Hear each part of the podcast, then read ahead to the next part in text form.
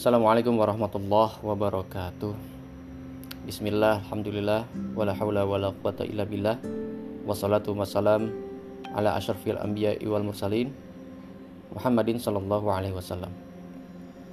Sahabat yang dirahmati Allah di mana pun anda berada Bersama saya Reza Ageng dalam program Kuliah Dasar Islam.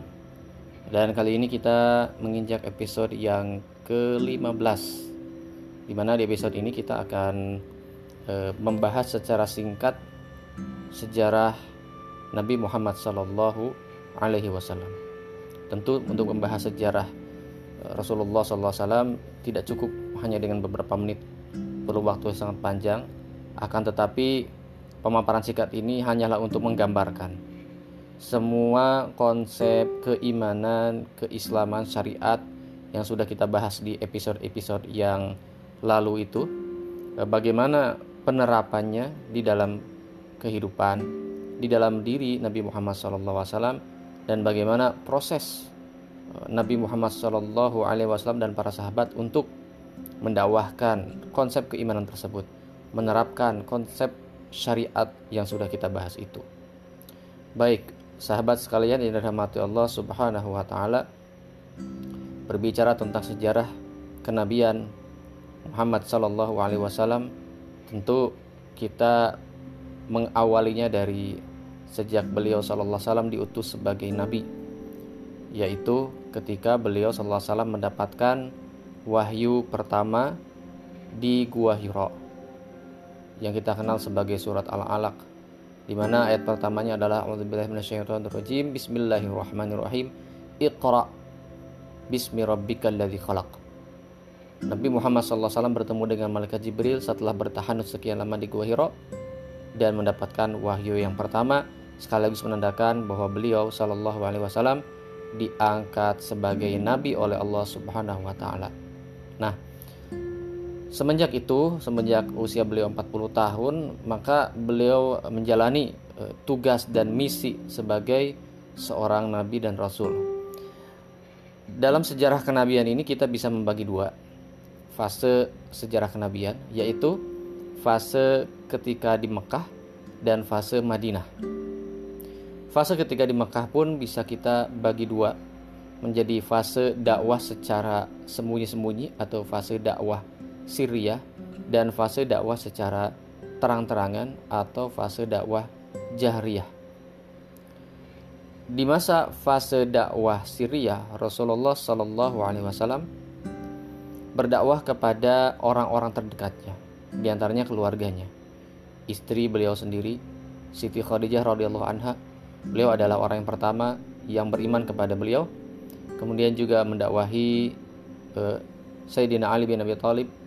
Kemudian juga orang-orang terdekat beliau, para sahabat-sahabat yang asabiqun al-awwalun, orang-orang yang paling dahulu masuk Islam, seperti Sayyidina Abu Bakar dan sebagainya. Mereka adalah orang-orang pertama dan Rasulullah SAW mendakwahkan secara sembunyi-sembunyi. Bahkan beliau SAW mengumpulkan para sahabat yang telah masuk Islam di sebuah rumah yang sangat dirahasiakan lokasinya, yaitu rumah Arqam bin Abi Arqam. Di situlah beliau SAW membacakan Quran kepada mereka dan sebagainya. Intinya membina para sahabat. Mengapa disebarkan secara sembunyi-sembunyi? Karena pada saat itu kaum muslimin belum begitu kuat dan dikhawatirkan akan ada resistensi yang sangat kuat dari eh, orang-orang uh, Quraisy. Rasulullah SAW dan para sahabat menjalani fase dakwah secara siriyah, secara sembunyi-sembunyi ini selama tiga tahun lamanya kurang lebih. Setelah itu uh, turun ayat dari Allah Subhanahu Wa Taala untuk mendakwahkan Islam secara terang-terangan. Dalam ayatnya, fasda bima tu'mar wa'arid anil musyrikin sampaikanlah apa yang diperintahkan kepadamu dan berpalinglah dari orang-orang musyrik. Maka ketika itu Rasulullah SAW menyampaikan dakwah secara terang-terangan. Rasulullah SAW mengumpulkan para pembesar Quraisy yang tidak lain adalah sebagian besar keluarga beliau sendiri, paman-paman beliau sendiri yang mereka pembesar-pembesar Quraisy dikumpulkan di sebuah jamuan makan lalu beliau SAW mendakwahkan Islam, menyampaikan bahwa beliau adalah utusan Allah. Beliau SAW juga mengumpulkan orang-orang Quraisy di bukit Kemudian beliau SAW menyampaikan risalah tauhid, risalah Islam Tentu saja banyak penolakan dari orang-orang Quraisy terhadap dakwah Rasulullah SAW ini. Bagaimana tidak? Karena Rasulullah SAW mendakwahkan tauhid, mendakwahkan keesaan dalam penyembahan Allah dikala orang-orang Quraisy menganut syirik atau politeis, menyembah banyak Tuhan. Mereka mempersekutukan Allah dengan para dengan berhala-berhala.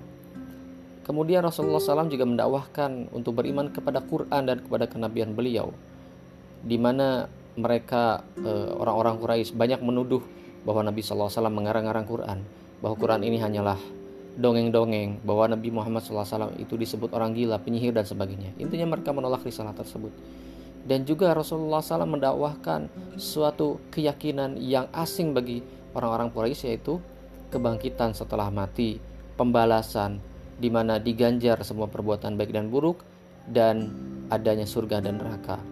Hal ini di, diingkari oleh orang-orang Quraisy dan mereka tidak mau meyakini mempercayai adanya hari kebangkitan setelah mati apalagi adanya pembalasan atas perbuatan mereka di dunia. Nah, inilah poin-poin pengingkaran orang-orang kafir. Dan ini menjadi lebih gencar, lebih terbuka ya semenjak dakwah Rasulullah SAW disampaikan secara terbuka sehingga akhirnya mereka pun melakukan intimidasi terhadap orang-orang yang masuk Islam, orang-orang yang beriman kepada Nabi Muhammad SAW. Sampai-sampai Nabi Muhammad SAW memerintahkan sebagian sahabatnya untuk menyelamatkan iman mereka dan diri mereka sendiri dengan cara berhijrah ke sebuah negeri yang di seberang lautan yaitu di Habasyah di mana di sana bertemu dengan raja yang adil yang bisa memberikan semacam suaka kepada kaum muslimin. Itulah hijrah pertama kaum muslimin yaitu ke Habasyah. Begitulah uh, beberapa tahun lamanya Rasulullah SAW mengalami uh, intimidasi, penghinaan, bahkan sampai di boykot selama tiga tahun oleh orang-orang Quraisy dan e, sampai kemudian e, eh, 13 tahun Rasulullah SAW berdakwah di Makkah yang intinya adalah mendakwahkan keimanan. Setelah 13 tahun lamanya Rasulullah SAW mendakwahkan Islam di Makkah, maka tibalah Allah Subhanahu wa taala memerintahkan eh, Rasulullah SAW untuk berhijrah ke Madinah. Hal ini dilakukan setelah Nabi Muhammad SAW mendakwahkan Islam kepada kabilah-kabilah untuk melakukan talabun nusrah yaitu meminta dukungan kekuatan. Namun hampir tidak ada kabilah-kabilah yang memenuhi seruan beliau kecuali kabilah dari Madinah, Aus dan Khazraj. Mereka pun menyambut seruan Nabi Muhammad SAW. Lalu Nabi Muhammad SAW pun berhijrah ke Madinah dan di sana Nabi Muhammad SAW menjadi pemimpin. Nabi Muhammad SAW dan kaum muslimin menerapkan Islam di sana.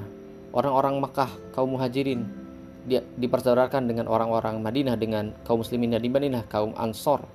Mereka menjadi satu kesatuan. Lalu Nabi Muhammad SAW membuat piagam Madinah yang berisi perjanjian antara kaum muslimin dengan orang-orang Yahudi. Begitulah Rasulullah SAW menerapkan Islam di Madinah dan menjadi pemimpin di Madinah. Ketika di Madinah, kaum muslim menghadapi beberapa perang, di antaranya ada tiga perang besar, yakni perang yang dilancarkan oleh kaum Quraisy, yaitu yang pertama perang Badar, di tahun kedua Hijriah di mana kaum muslimin mendapatkan kemenangan atas kaum musyrikin. Kemudian perang Uhud di tahun ketiga Hijriah di mana kaum muslimin juga sebetulnya menang tapi mengalami banyak kerugian. Kemudian juga e, di tahun kelima kaum muslimin juga menghadapi perang Khandaq di mana orang-orang Quraisy dan sekutunya mengepung kota Mekah, mengepung kota Madinah, maaf, dan kaum muslimin membentuk parit. Akhirnya kaum musyrikin pun e, cerai berai dikarenakan Allah Subhanahu wa taala mengirim pasukannya berupa angin topan untuk mencerai beraikan kaum musyrikin. Lalu pada tahun e, ke-6 Hijriah, Rasulullah SAW dan para sahabat hendak berumroh ke Mekah, namun tidak terjadi umroh. Yang terjadi adalah e, perjanjian Hudaybiyah, yaitu perjanjian gencatan senjata antara kaum muslimin dan kaum musyrikin. Kemudian gencatan senjata tersebut, perjanjian tersebut dilanggar sendiri oleh kaum musyrikin Makkah sehingga akhirnya berbuah pada tahun ke-8 Hijriah Rasulullah SAW dan para sahabat kaum muslimin berhasil membuka kota Makkah. Inilah kemenangan. Rasulullah SAW para sahabat kembali ke kota Makkah dengan kemenangan sehingga kaum musyrikin tidak dapat berbuat apa-apa untuk melawan uh, kaum muslimin. Inilah yang disebut sebagai Fathu Makkah, pembukaan kota Makkah atau penaklukan kota Makkah. Dan pada saat itulah kaum uh, kaum musyrikin di Mekah banyak yang berbondong-bondong untuk masuk ke dalam ajaran Islam. Demikianlah Rasulullah SAW dan para sahabat pada akhirnya meninggikan agama Allah, memenangkan agama Allah di atas agama kaum musyrikin. Sahabat sekalian dirahmati Allah Subhanahu wa taala, pada tahun ke-10 Hijriah Rasulullah SAW pun e, diwafatkan oleh Allah Subhanahu wa taala setelah sempurna seluruh wahyu yang Allah turunkan kepada beliau. Al yauma akmatu lakum dinakum. Firman Allah Subhanahu wa taala di dalam Al-Qur'an surat Al-Maidah. Ya ini yang artinya hari ini aku telah sempurnakan bagimu agamamu yaitu Islam, risalah tauhid, risalah Islam, Al-Qur'an wahyu Allah telah turun secara sempurna kepada Nabi Muhammad SAW yang disampaikan kepada para sahabat. Para sahabat kemudian mengamalkan apa yang diajarkan Rasulullah SAW. Sepeninggal Rasulullah SAW, apa yang diwariskan beliau?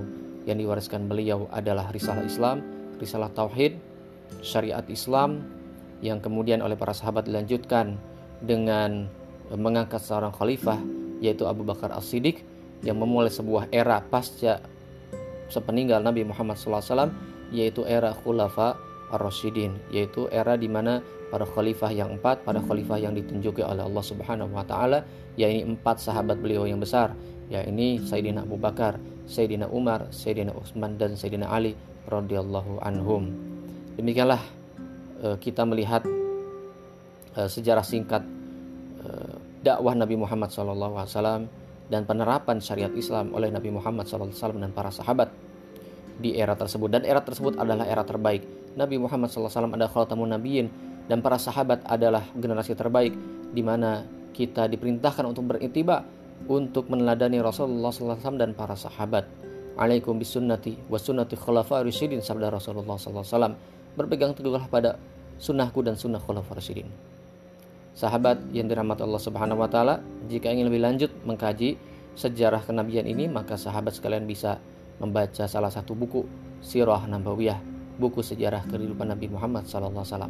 Mudah-mudahan pemaparan singkat ini dapat memberikan gambaran singkat kepada kita bagaimana konsep akidah yang sudah kita kaji di episode-episode sebelumnya dan konsep syariat yang juga sudah kita kaji di episode yang lalu diterapkan, diejawantahkan, direalisasikan oleh Nabi Muhammad SAW dan para sahabat. Demikian, semoga bermanfaat. Assalamualaikum warahmatullahi wabarakatuh.